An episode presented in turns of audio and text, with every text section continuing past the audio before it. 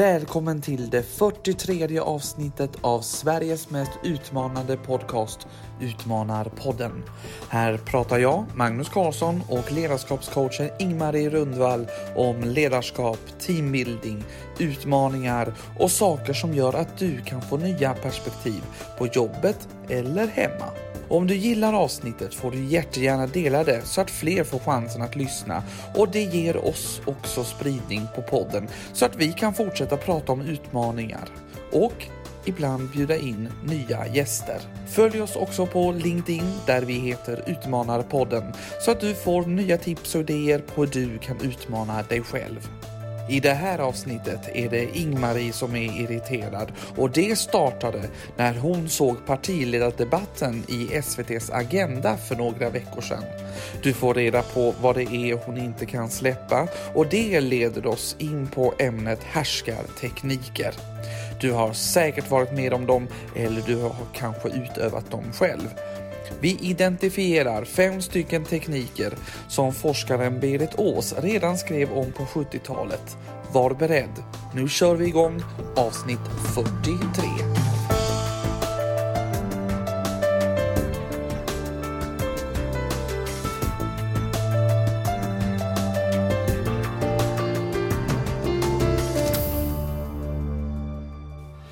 Hej Ingmarie! Hur står det till? Det är bra. Jag tycker det är härligt att vi har fått vår. Jag tycker det är roligt med solen. Och jag har faktiskt också ägnat mig lite åt reflektioner som jag ska dela med mig av idag. Men innan dess måste jag ju kolla, hur är det med dig Magnus? Jo, men jag känner att ljuset är på väg, hoppet finns. Eh, jag har tänkt igenom det här som vi pratade om för några avsnitt sen med eh, konflikthanteringen. Jag ska ärligt säga, jag har inte tagit tag i det som vi pratade om, tyvärr. Men jag har marinerat det i alla fall. Jag är lite intresserad om, du kommer ihåg det här avsnittet med Alex som vi hade förra gången, när han sa att eh, man kunde gå, den utmaningen han gav, eh, att eh, när man går förbi någon på stan eller vad man nu är, att säga hej eller ge en komplimang. Då är min fråga, har du gjort det? Alltså det är ju jätteroligt att kunna säga jag har gjort det, det gick bra, jag gör det hela tiden, jag tackar Alex för det och jag har lärt andra människor att göra det. Så det här, alltså det har gått riktigt, riktigt bra. Det är faktiskt den bästaste utmaningen vi har fått på Utmanarpodden på fem säsonger. För jag kände den är catching, jag fixar den liksom. Jag har varit ute på cykel cykel och cyklat på någon sån här cykelstig eller så. Och då sa jag hej till alla jag mötte. Jag hade barnbarn med mig. Jag fick barnbarnet till att säga hej till alla vi mötte. Nu säger vi hej till dem vi möter. Nu kommer det snart en tant med cykel. Nu säger vi hej. Vi sa hej till alla. Kul! Ja, jag har varit ute och vandrat på någon vandringsled. Eh, jag och mannen och, och vi mötte några och vi sa hej till alla. Längre bort på vandringsstigen bakom oss går våra vänner och när de sen möter samma par så säger paret hej till våra vänner. Så jag kände att det hade smittat. Och de gick där bak och skrattade och sa, det är säkert Ingmarie som har sagt hej till allihopa för nu säger de ju hej alla. Jajamensan! Jag var jättenöjd. Vad roligt. Men visst är det roligt när man, för jag har också gjort det där. Jag har också gjort den utmaningen. För jag och en annan var ute och eh, gick i skogen. Eh, och då bestämde vi det. Nej, men nu säger vi hej till alla som vi, som vi möter. Men folk är ju liksom inte riktigt beredda på det här tycker jag. Så att de blir lite, när man säger hej, då är det som att man är redan på väg förbi någon och så vänder de lite så här i, mitt i allt och tittar på en, eh, hej. så så det, det, är lite roligt också. Man, man ruskar ju om lite och det tycker jag är kul. Precis, och, och det visar ju bara på att Alex utmaning till oss var nödvändig. Vi behöver ju få in det här i vårt samhälle, att vi faktiskt säger hej. Mm, verkligen. Men du sa att du har ägnat dig åt lite reflektioner också. Ja, för nu när det blev vår så, så träffade jag på eh, människor som eh, skulle ut och kolla in fågelbeståndet. Det är ju jättehärligt nu när alla fåglar både har vaknat och kommit hit och alltihopa. Och då kom jag på, vad gör en sån som skådar fåglar, alltså fågelskådare? de kollar dem, de samlar på dem, de funderar över hur har den här lilla fågeln kommit hit och varför kommer inte den andra fågeln hit till vår lilla damm och liksom är jättenördiga på det. Har du träffat någon sån? Ja, men kanske inte fågelskådare just, men vet du vad jag tänker på när du berättar om detta? Så här riktigt nördigt. Ja, men då tänker jag på alla eh, alla schlagerintresserade just i dessa tider som verkligen kan så här, okej, okay, de kan liksom hela historien hela bakgrunden till olika bidrag och de liksom kan rabbla upp fakta och statistik och den klänningen hade det då, samma färg var det 2004 som sen den artisten hade 2012. Eh, alltså massa sådana eh, nördiga saker. Och jag, lite får jag väl kanske också stämma in i den kören, även om jag inte är så eh, nördig på det längre, men jag har varit. Så jag kände igen mig lite i den, i den att man gräver ner sig i någonting. Ja, och vet du, det var då jag kom på på en av mina promenader att jag är också nördig. Jaha, på vad då? Människor. Jaha, okej. Okay. Nu får du utveckla det här. alltså jag är likadan. Jag, jag, jag har också liksom liksom kommit på att jag, det är det här med människor. Jag tittar på dem, jag beskådar dem, jag lägger dem i minnet, jag samlar på olika sorters typer av människor. Mm, men sån där har jag aldrig mött innan. Jag analyserar, jag funderar. Jag kände mig nästan som en nörd fast just inom att fundera över det här med människor, människor och samspel, människor och relationer, eh, människors egna tankar och tankar ihop med andra. Eh, jag kom bara på att jag var ju likadan alltså. Okej, okay. du kanske skulle skriva en skönlitterär bok någon gång för du kanske har alla karaktärer redo egentligen. För det är ju lite så som man får jobba med, med det där när man samlar på människor så plockar man fram dem i, i texten sen. Men har du något eh, liksom, exempel när du har liksom, tagit fram de här eh, människorna eller när du har sett eh, när du har analyserat? Jag gör ju det mycket och jag lägger ju på, jag lägger ju liksom tid och kraft, lika mycket som man kan kolla på klänningar på slagon eller veta om den lilla blåa fågeln kom nu eller tre dagar tidigare förra året så har jag ju också byggt på mig liksom omkring hur människor fungerar tillsammans och varför går det ibland bra och inte bra och sådär. Och, och, när jag insåg att jag var nördig, det var när jag sa till min man, nu måste vi vara klara med dagens lilla projekt, för klockan åtta är det partiledardebatt. Okej, har du kommit in i det, i den stämningen? Så då fick jag se på partiledardebatten som var här i maj månad. Okej, vad, vad, vad kände du då när du satt och tittade på den då? Fullständig ilska. Okej. Jag såg inte den här partiledardebatten. Var det på grund av människorna eller var det ämnena eller? Vad var du kände ilska över? Nej men det här, ja det var människor och det var samspel. Så jag tänkte faktiskt att, att nu, nu börjar vi dagens podd här liksom på något sätt med detta. För att jag tror att det är ett citat som har gått runt väldigt mycket efter den här partiledarbatten och det var eh, Centerpartiets, alltså vi bara tar först för alla de som inte har samma intresse som mig, så måste vi förklara. Några gånger per år, ännu mer ju mer det närmar sig ett val, så samlar man alla de åtta partiledarna som är representerade i riksdagen. Man ställer dem vid varsin liten talpulpet, gott om avstånd emellan, och så får de frågor. Och för att hitta på lite nya upplägg så hade man i år bland annat, det har man haft innan också, att ibland får två och två prata med varandra och ibland ska alla åtta tycka till och sådär. Och ibland blir det väldigt infekterat och ibland blir det lite halvtamt. Den här gången så tror, hängde jag upp mig på två saker. Och det hade ju det här med mitt människointresse. Det ena är Centerpartiets ledare som heter Annie Lööf. Hon gör ett väldigt känslosamt utspel och säger att hon känner förakt. Hon riktar det mot en annan partiledarkollega och hon har synpunkter på eh, hur illa hon känner när hon får höra vad en annan partiledare säger. I det fallet var det just Jimmy Åkesson hon hade synpunkter på. Det som gladde mig, för där var jag inte arg då, då gladde det mig, för hon gjorde så som vi hade pratat om i Utmanarpodden. Hon pratade utifrån ett jag-budskap. Hon pratade utifrån sig själv, hon pratade vad hon kände, vad hon tolkade och, och satte ord på sitt eget. Och det valde hon att berätta liksom. Med mycket känslor, men hon pratade hela tiden i ett jag-budskap. Det tyckte jag var ett schysst utspel, om man uttrycker det så. Vi pratar ju om det här när vi pratar om de här konflikthanteringsdelarna. Att man pratar från sig själv. Men det var det fina utspelet, eller? Ja, sen kommer det ett fult utspel också. Och då är det en sån här äh, duell som det heter. Det är två stycken som har fått gå in i en liten inre cirkel, ställa sig. Då är det Liberalernas partiledare som heter Nyamko Sabuni, en kvinna som har varit där kanske ett år ungefär.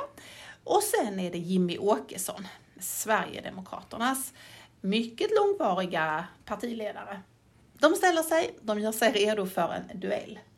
Och nu har det ingenting att göra med vad de sa i form av innehållet. Det har ingenting att göra med deras partifärger. Men det har att göra med hur man säger saker. Nu hör du att mitt röst börjar gå upp lite. Då säger Jimmy Åkesson ungefär så här. Jag ser att du har gjort en resa där, Nyamko. Det vill säga att han tyckte att hon hade ändrat sig till det bättre. Det vill säga hennes värderingar tyckte han hade blivit bättre. Varav han säger då, du har gjort en resa, men du har en bit kvar. Det tycker jag är en riktigt ful tackling. Vad Jimmy alltså gör är en värdering till henne och säger vad hon har tyckt, vad hon har tyckt innan, att nu har hon tydligen ändrat sig och tyckt någonting annat. Och så gör han en bedömning över att hon skulle ha kommit fram lite mer eller någon annanstans eller kommit fram till någonting. Det vill säga, han gör den bedömningen att hon skulle ha kommit fram till någonting där han tycker att hon ska vara. Hans ordval då är ju så här att jag ser en resa hos dig, men tyvärr är du inte hemma ännu. Han drar också undan mattan i hennes, liksom, den politiska gärningen som hon gör. Ja, han drar i många mattor där. Han drar ju också i den mattan som innebär faktiskt att han gör en bedömning var hon ska vara. Han gör en bedömning på vilken matta hon ska stå, hur långt hon ska komma eller någonting.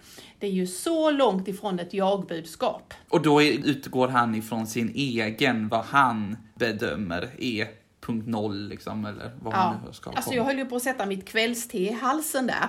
För då gick det upp många berättelser i mitt eget huvud som handlar om en benämning som heter härskartekniker. Det vill säga att man härskar, söndrar och eh, verkligen eh, infiltrerar negativa saker. Har du hört ordet härskartekniker, Magnus? Absolut. Det har man ju liksom hört i alla möjliga sammanhang. Alltså, stora ledare till exempel, både inom politiken eller näringslivet eller eh, så som man har sett på tv och sådär. Eh, och det finns säkert så här härskartekniker som som jag har varit med om. Kanske jag till och med har gjort dem själv utan att jag har tänkt på det. Ehm, för jag tänker att de dyker upp hela tiden, medvetna eller kanske till och med omedvetna ibland. Alltså, kan vi bara sätta in saken i ett sammanhang så var det så här, benämningen kommer faktiskt ifrån Norge.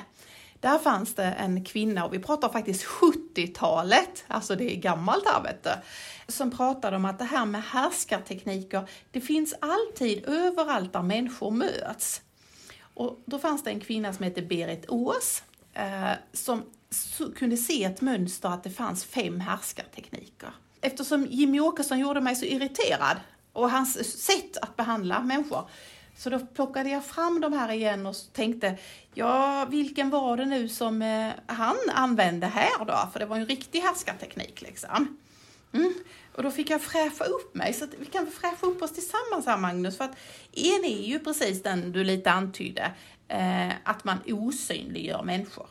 När du säger någonting så lyssnar vi inte riktigt på det. Det råkar bli så att när varvet, vi ska, alla ska säga någonting, så oj, tiden räckte inte Magnus, du får inte säga någonting idag.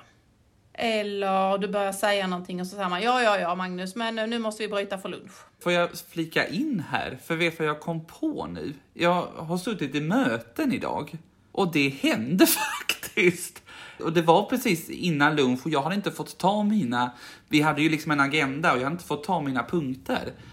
Så då började man liksom avsluta det här mötet. Och då, då fick jag liksom klämma in där och liksom räcka upp handen för jag hade det digitalt och säga så här, ja men nu innan vi gör det så måste jag få ta det här. Men jag tror att det var liksom omedvetet, det är det jag menar också, att saker kan ju också ske omedvetet. Men någonstans så måste jag spela in det. Och ibland det finns det ju till och med erfarenheter av att man har försökt att spela in det och då kommer, alltså spela in sig betyder alltså att kasta sig in i dialogen. Ja, precis va. Eh, och att man fortfarande inte får komma in. Osynliggöra människor är rätt så vanligt. Ibland kommer man in i ett rum och säger, jaha, är det bara ni som sitter här? Ja, just det. Då tänkte man att man skulle kanske träffa chefen eller Zlatan eller någon annan. Ja, så är det bara ni som sitter här? Ja, vi är också några vi som sitter här. Men hur kan man göra då, då för att inte det här ska ske? Nej, men om man tänker till exempel på möte då som du mm, pratade lite om så kan man ju göra så att man, att man skapar en rutin att alla ska komma till tals. Och så går man varvet runt som det heter, för då blir ju alla synliggjorda. Då bygger man ju in det systemet. En annan sak är ju faktiskt att göra det här som så effektivt användes i skolan, tror jag, när du gick i skolan, nämligen att man tystnar. Eh, det vill säga att när man ser att det inte är rätt, så, eller när man känner att någon håller på att avbryta mig, så blir man bara tyst. Så väntar man till eh, de är tysta. Du vet när de liksom börjar prata, det är ju rätt så tydligt jag ska ha någon, berätta någonting och så hör man de två där borta tissla om var de ska gå och luncha, äta någonstans eller de två måste någonting och så va. Och så gör man som eh, läraren i skolan, man blir tyst. Eller man pratar tystare. För då märker alla någonting, då händer någonting. Och de som sitter och pratar där i, i, eh, i hörnet kommer ju också undra, vad, vad händer? Eh, jaha, det var den där framme som pratade, just det. Märkte du att vi tystnade vi också lite i den här när vi pratade? ja, just det. Ja. Jättespännande. En annan sak som man ofta synliggör, det beror på vissa, vissa beslutande styrelser eller sådär, att du Magnus, förra mötet kom på en rätt så bra tanke, men det var ingen som tog den då. Men den var rätt så bra. Alla hörde den, men ingen kommenterade den. Sen har vi möte idag igen och idag säger Pelle samma sak. Och då bekräftar alla att den är riktigt bra. Och man ska nog gå på det förslaget. Och då är det ju jätteviktigt att man säger Ja, eh, det låter som att vi ska gå på det förslaget som Magnus presenterade redan förra mötet. För man osynliggjorde ju dig och din tanke som du hade på förra mötet. Så det är en härskarteknik att inte alla blir sedda. En annan sak som är väldigt vanlig, det är ju att man förlöjligar människor. Alltså det vill säga att man skämtar på andras bekostnader. Man blir lite klappad på huvudet, man kanske kommenterar sådana saker som ”Jaha, jag hade lagt till mycket skägg här ser jag” eller lite skägg eller kort kjol eller lång blus eller och så drar man något litet skämt om det eller kommenterar det driva med en hade jag kallat det när jag gick på mellanstadiet. Driv inte med mig. När vi pratar om detta nu så, så blir det ju lite när man jobbar med humor va, så har man ju liksom ofta den, de glasögonen på sig. Eh, och då är det ju lätt att fastna i den formen att driva med människor eller när du pratar om det här så får jag, då får jag känslan att det har nog, det har jag gjort. Men då tycker jag så här att jag känner direkt att oj, det här hamnade helt fel. Alltså det känns i magen verkligen på att det där var inte okej okay, att jag sa så liksom. Men det är en svår balansgång kan det vara. Att känna så här att det är en om det är en härskarteknik eller om det alltså är... Jag tycker Magnus att det är lite skillnad. Därför att det är ju så att när man kommer på dina showkvällar, eh, dina humorkvällar, så är det ju ett annat sammanhang det är ju en helt annan sak att sitta i ett kontorslandskap och, och höra kommentarer om sig själv eller hur man ser ut eller vad man har på sig eller någon försöker skämta. Det är ju en helt annan sak och mycket av det här som härskartekniker har ju ändå byggt ihop och hur får man arbetsplatser till att fungera. Sen tycker inte jag heller att du ska ha en massa roa skämt som går under och över bälte och alltihopa, men det där får du fixa själv. Utan jag tänker lite... Fast jag pratar faktiskt inte om eh, alltså, eh, scen... Eh, utan jag pratar faktiskt om, alltså i privat eller Mm. eh, på arbetsplatser. Ja, för vad vad som är viktigt är ju att, att när man då säger ifrån så får man ju ofta svaret tillbaka, ja men det där var ju bara ett skämt. Alltså du behöver inte ta sig illa vid dig, det var ju bara ett skämt. Och då måste man stå upp för sig själv faktiskt och säga, men det var inte roligt för mig. Det finns ju en risk att man börjar skämta tillbaka och då är det ju alltid lätt att man får en rätt så negativ jargong. Var inte Michelle Obama som sa någonting bra i det där sammanhanget? Visst var det hon eh, som sa nu, när de går lågt går jag högt. Eller får vi gå högt? Så att man inte sänker sig så. När du då funderade så kom jag på ett exempel. Eh, nu är det inte så många som har sett den, men ett tag så fick man följa min rosa resväska. Jag har en eh, riktigt rosa resväska. Nu är man inte så mycket ute och reser, men innan jag hade väldigt mycket uppdrag på plats så åkte jag med min re- rosa resväska. Då kommer jag ihåg att jag själv var på en konferens. Jag höll alltså inte den, det är väldigt ovanligt att jag inte gjorde det, utan jag var på en konferens. Och dag två när vi hade sovit över så får man ju ofta göra så här på sådana här konferensanläggningar att man får lämna sitt rum på förmiddagen och så får man ju ta med sin lilla väska in i det rummet där vi då ska fortsätta att jobba hela dag två. När jag kommer in med min, eh, en gång till, rosa eh, resväska så säger den ena kursledaren till den andra, ja du, eh, vad tror du min man hade sagt om jag hade köpt en rosa resväska? Och då säger de- den andra, ja, för att inte tala om vad min fru hade sagt ifall jag hade kommit med en rosa resväska. Vad känner du då? Hur blir din reaktion? Jag blev faktiskt argare än jag blev på partiledardebatten. jag blev faktiskt riktigt arg. Eh, Jag markerade väldigt tydligt mot dem att de hade förlöjligat mig och det valet av färg på min väska.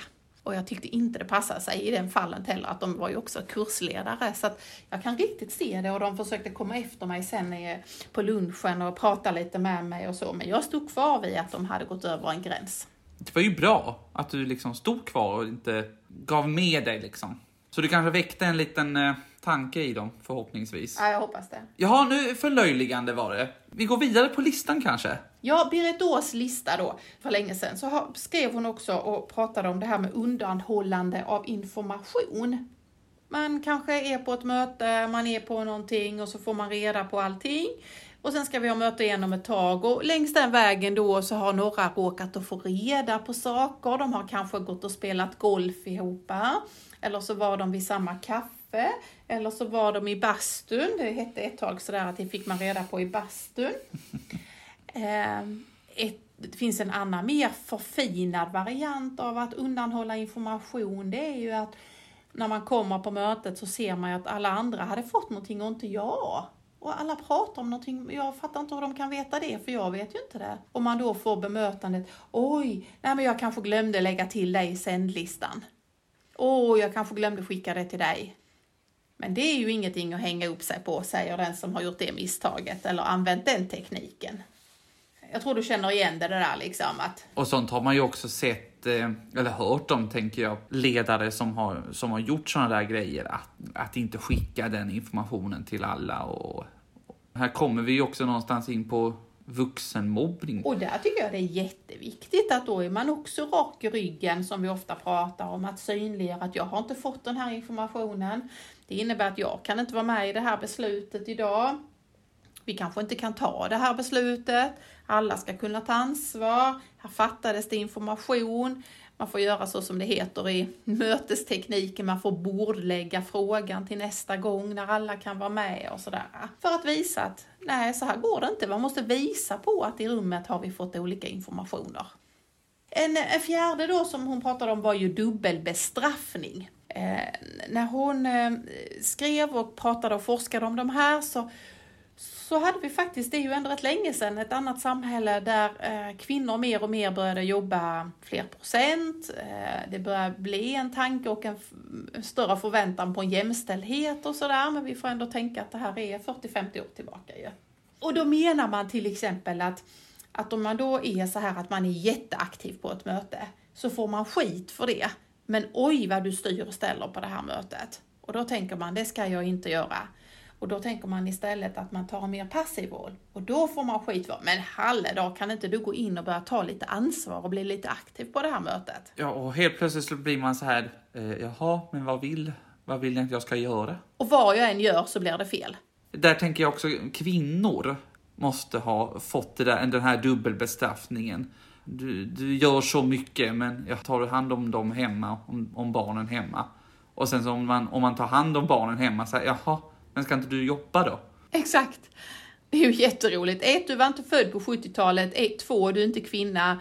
Tre, du fattar exakt vad jag har gått igenom. för det var faktiskt min nästa fråga det här, för jag tänker att du har ju alltid varit så aktiv. Dina upplevelser kring detta? Det skulle vi kunna haft ett helt avsnitt om. Det är naturligtvis jättemånga sådana här där man har försökt att trycka på olika knappar och vilken knapp man än tryckte på så blev det fel precis som du säger, man jobbade för mycket eh, eller så jobbade man för lite. Och jobbar man för lite och var hemma så var det fel och sådär. Så att det, det handlar ju jättemycket om att eh, lyssna på sig själv och göra sin egen bedömning. För den där dubbla bestraffningen kommer ju på grund av att man försöker vara alla till lags. Har du också känt det här som mm, kvinnor har pratat om att men, vi måste alltid vara bättre?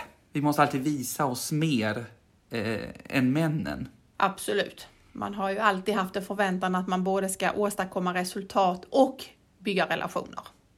Och, och den sista sån här eh, härskartekniken, den är ju mycket svårare att se. För det, det är mer en känsla hos sig själv. Det andra är ju någonting man kan känna i rummet, se. Man ser ju när man skämtar med och på bekostnad. Man ser ju när man inte låter någon komma till tals, precis som på ditt möte idag och sådär ju. Men här pratar vi om någonting som är mycket mer sitter hos dig själv. Det här att man lägger på sig en känsla av skuld och skam. Kanske skulle ha gjort det bättre, jag kanske inte gjorde det så bra, tyckte inte de såg så nöjda ut och sådär. Ehm, att man inte riktigt känner eh, att man att man har svårt att tolka hur det är och då omtolkar man det till att man lägger skuld på sig själv. Är det så att om jag deltar i ett möte och pratar om en viss sak och så får jag liksom inte med mig gruppen och då lägger jag på så här, redan då börjar jag tänka att så här, nej det där var inte så, jag får inte med dem på det här, det här börjar glida mig ur händerna, oj oj, jag var inte påläst och nej det var inte bra. Då lägger jag det på mig själv att jag inte kunde dra i de trådarna och få med mig de andra. Är det så och då kan man ju utveckla det också liksom som någon sorts teknik, att man hittar den där svaga punkten hos dig och så trycker man på den hela tiden. Liksom. Det var ju inte riktigt bra detta Magnus, förväntat oss kanske lite mer av dig i detta läget och, och sådär. Usch vad jobbigt att höra det. Oh vad du ser ledsen ut. Uh. Ja, jag har så riktigt det. Men, men då gäller det ju att på något sätt att, att flytta upp alla de där känslorna upp till huvudet intellektualisera det, eh, ta lite distans till det. Är det rimligt att jag skulle kunna ha gjort på något annat sätt? Ibland är det ju så himla löjligt så att när jag pratar med en människa så säger de Nej, nej, jag fick ju materialet klockan fem igår kväll men jag fick bara ihop 25 powerpoint-bilder till dagens möte klockan åtta. Ja, hörru du, då kan du nog lyfta bort den skulden från dig själv och dina axlar för du hade ju verkligen ingen tillräcklig varken information eller tid för att kunna göra något bättre jobb ju. Eh, och det behöver man kanske ibland lite hjälp med att se det där och vad det är som har hänt, att det kom in till mig själv istället. För, för som sagt, så som du sa, den här är ju svårare att ta på. Och så har vi då Jimmys Jimmy Åkessons härskarteknik. Men var passar den här in då på det här? Ja, det är ju det jag har ägnat mig ända en hel vecka åt och fundera på vad är det? Och jag tycker inte att det är någonting, så jag, jag måste säga att jag tycker han har någon egen hemsk härskarteknik, stöld av berättelse. Som han gör, ja. Kan inte du säga det här citatet igen som han, eh, som han sa till eh, Nyamko, så vi får det fräscht i minnet? Jag ser en resa hos dig, men du är tyvärr inte hemma ännu. Han, han stjäler hennes egen upplevelse, hennes egen utveckling, om hon nu har tyckt att hon har gjort det eller inte. Och han stjäler berättelsen som Nyamko skulle kunna berätta. Jag har själv tänkt och ändrat mig eller jag har så va. Han stjäler det. Det är en stöld av den berättelsen där han gör en värdering hos henne, han lägger det på henne. Så han stjäler någon annans berättelse. Tyvärr såg jag någonting som jag inte alls blev glad för och, och tänkte att här är en annan härskarteknik, stöld av min berättelse. Den, vi får se om jag kommer på något bättre när jag ska börja prata mer och mer om den, men det är första gången jag säger den nu och jag, jag är inte nöjd med den. Nej. Men hur bemötte hon det då? Det är ju så här att det är ju en duell och den är ju liksom upp byggd på att det ska hetta till lite och det hettade till lite. Men hon var faktiskt bra. Jag säger det igen, det har inte att göra med vad de pratade om, det har inte att göra om deras politiska färg, det har att göra med hur, hur själva samspelet var. Hon lyckades ändå. Eh, hade det varit jag hade jag nog blivit mer förbannad över eh, det, det bemötandet. Men hon, hon fortsatte att svara utifrån innehållet och i det de samtalade om. Eh, så från, från nördiga människor till att det faktiskt, eh, en sån som jag själv, eh, till att se att ja, det händer saker när människor är tillsammans och vi behöver ibland reflektera över det. Verkligen. Vi pratar ju också om, om härskartekniker kanske när vi möts liksom fysiskt. Men hur är det på skärmen då? När man har digitala möten som till exempel jag hade idag. Finns det några härskartekniker där som är så, men så väldans synliga? Ja, vad bra fråga. Eh, ja, absolut. Eh, det ena är ju de här eh, som eh, multitaskar, heter det så, gör en massa saker parallellt och som tror att man kan göra allting utan att det syns. Det vill säga, de kollar sina sociala medier, de svarar på något mejl och de kollar lite på Aftonbladets hemsida. Det de inte fattar är ett, det syns på blicken att man gör någonting annat. Alla tittar på ett håll och den tittar på någonting annat. Eh, två, man ser ofta det på grund av att ljuset blir olika på människan som man pratar med. Därför att eftersom de plockar upp andra sidor än vad vi är uppe på på, det, på den digitala bilden så tar du en hemsida, oj den var röd och så blir du lite rosa i ansiktet för det speglar sig upp och sådär. Va?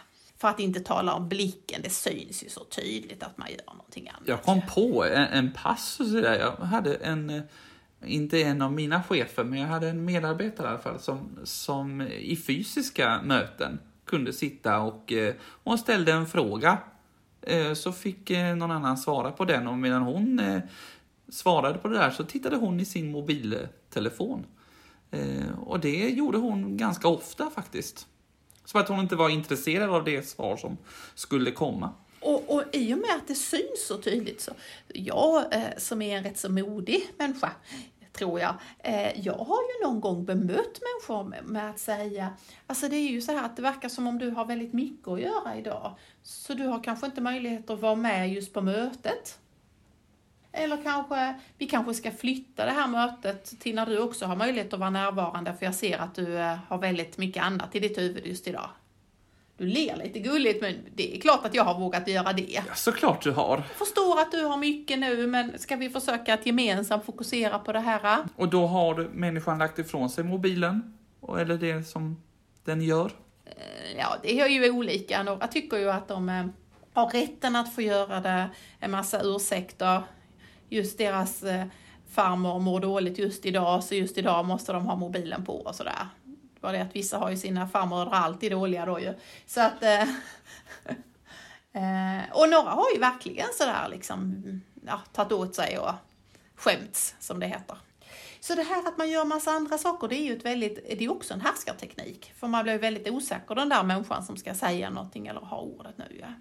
En ny knapp som har kommit in i härskartekniken det är ju på av kamera. Det vill säga att man väljer att inte ha på kameran hela tiden. Och framförallt så har jag inte kameran på när just du pratar. Det vill säga ett litet selektivt eh, urval. Vilka ska jag vara med på med bild och vilka ska jag vara utan bild? Men även där kan man ju göra lite modiga kommentarer. Eh, jag är osäker på om du hörde vad jag sa, för jag såg att du var inte närvarande. Ja, men jo, jo, jag var här, jag var bakom kameran eller så. Okej. Mm. Och vad gjorde du bakom kameran? Kan man ju undra då. Den har inte jag vågat Nej, det är Den kanske, kanske nästa steg i det hela. Ja, men det är ändå markera liksom att det är ju så att, att det här blir ju svårt eftersom jag inte vet om du har varit där. Ska jag ta om det? Man kan ju lägga fram det som en omtanke.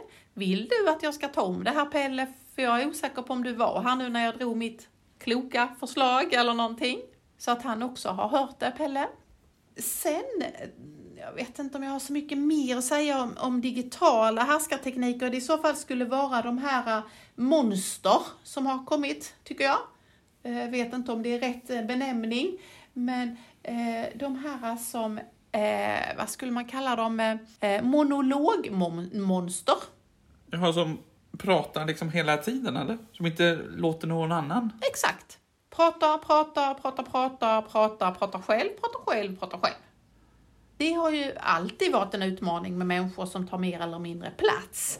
Och det kan ju också vara en härskarteknik, för innebär tar jag jättemycket plats så blir det ju inte plats till dig, så då slipper jag ju höra vad du... Det är ju ett, mm. att osynliggöra dig också ju, ju mer plats jag tar. Eh, jag tror att många av oss ändå har tränat upp en förmåga att i rummet se och känna av att nej men nu så, nu, nu pratar han lite väl mycket, nu får vi hjälpas åt att avbryta här eller byta ämne eller sådär. Eh, det är svårare digitalt. Jag håller med där. När man är fysisk så utspelas ju allting eh, liksom i ett rum då man känner av det här när någon tar en andningspaus eller kroppsspråket eller liknande. Men på skärmen så blir det ju ändå eh, lite platt på det sättet. Det är inte lika lätt att bryta in. Nej, man ser ju knappt när de andas in eller ut de här monologmonsterna. De kör ju bara på liksom. Eh, där får man ju nästan göra en aktiv inbrytning. Och så, så, så, får man ju säga, det där du säger det verkar ju intressant men det behöver vi säkert mer tid till och det har vi inte idag så då får vi återgå till det vi ska prata om idag. Nu får vi fördela ordet och eh, vi har inte möjlighet att ge så här lång tid till andra så nu väljer jag att avbryta dig så att det blir rätt för dimensioner i rummet eller proportioner och sådär. Mm. Men, det, men det är ju väldigt aktiv insats man måste göra för den som antingen är mötesledare eller för den som faktiskt eh, också deltar vid mötet bara. Jag tycker det är de eh, sakerna jag har sett på, på, som skiljer eller som har utkristalliserat sig också på de här digitala mötena människor som försöker göra annat och, och, den här knappfunktionen att säga att man vill vara med på bild eller inte. Och... Tänker jag är en, en del av det som du eh, föreläser om när du har hur gör man digitala möten på bästa sätt? Absolut, helt rätt. Men då har vi pratat härskartekniker. Ja, på grund av att jag tycker om människor så såg jag någonting som jag inte tyckte om. Och då fick jag fräscha upp detta och säga så här kan vi inte ha det. Vi kan inte ha det så här på våra arbetsplatser, vi kan inte ha det så här i våra kompisgäng, vi kan inte ha det så här i vår arbetsgrupp. Och man kan faktiskt inte ha det heller på en partiledardebatt, enligt mig. Bra. Och jag tycker att vi eh, lägger upp de här olika eh, delarna som fanns då med från Berit Ås. Ja, bra! Du hade bra minne där. Jag ser att du liksom försökte där. Ja, det blev lite svettigt där ett tag. Ja. Eh, och lägger du upp de här olika exemplen på härskarteknik så kan man ju faktiskt fundera lite när man tittar på det här eller, eller hör det vi pratar om. Om har, har man själv varit med om det? Eh, har, man, har man till och med gjort det? Alltså, ens egna reflektioner kring det. För det är ju det vi älskar när vi sätter någonting på, på pränt eller upplyser någonting och så går man hem och reflekterar om det sen. Eller pratar om det tillsammans med några andra. Det är det vi vill med Utmanarpodden. Nu har vi kommit till ett avslut, eh, just i dagens avsnitt i alla fall. Eh, det var lika trevligt som vanligt att se dig här på skärmen. Eh, och eh, ni lyssnare, ja, vi kommer tillbaka om två veckor såklart.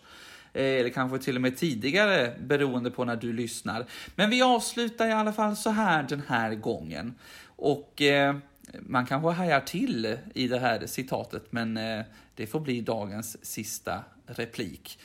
Då lyder det så här. Hjärnor är helt fantastiska. Jag önskar att alla hade en.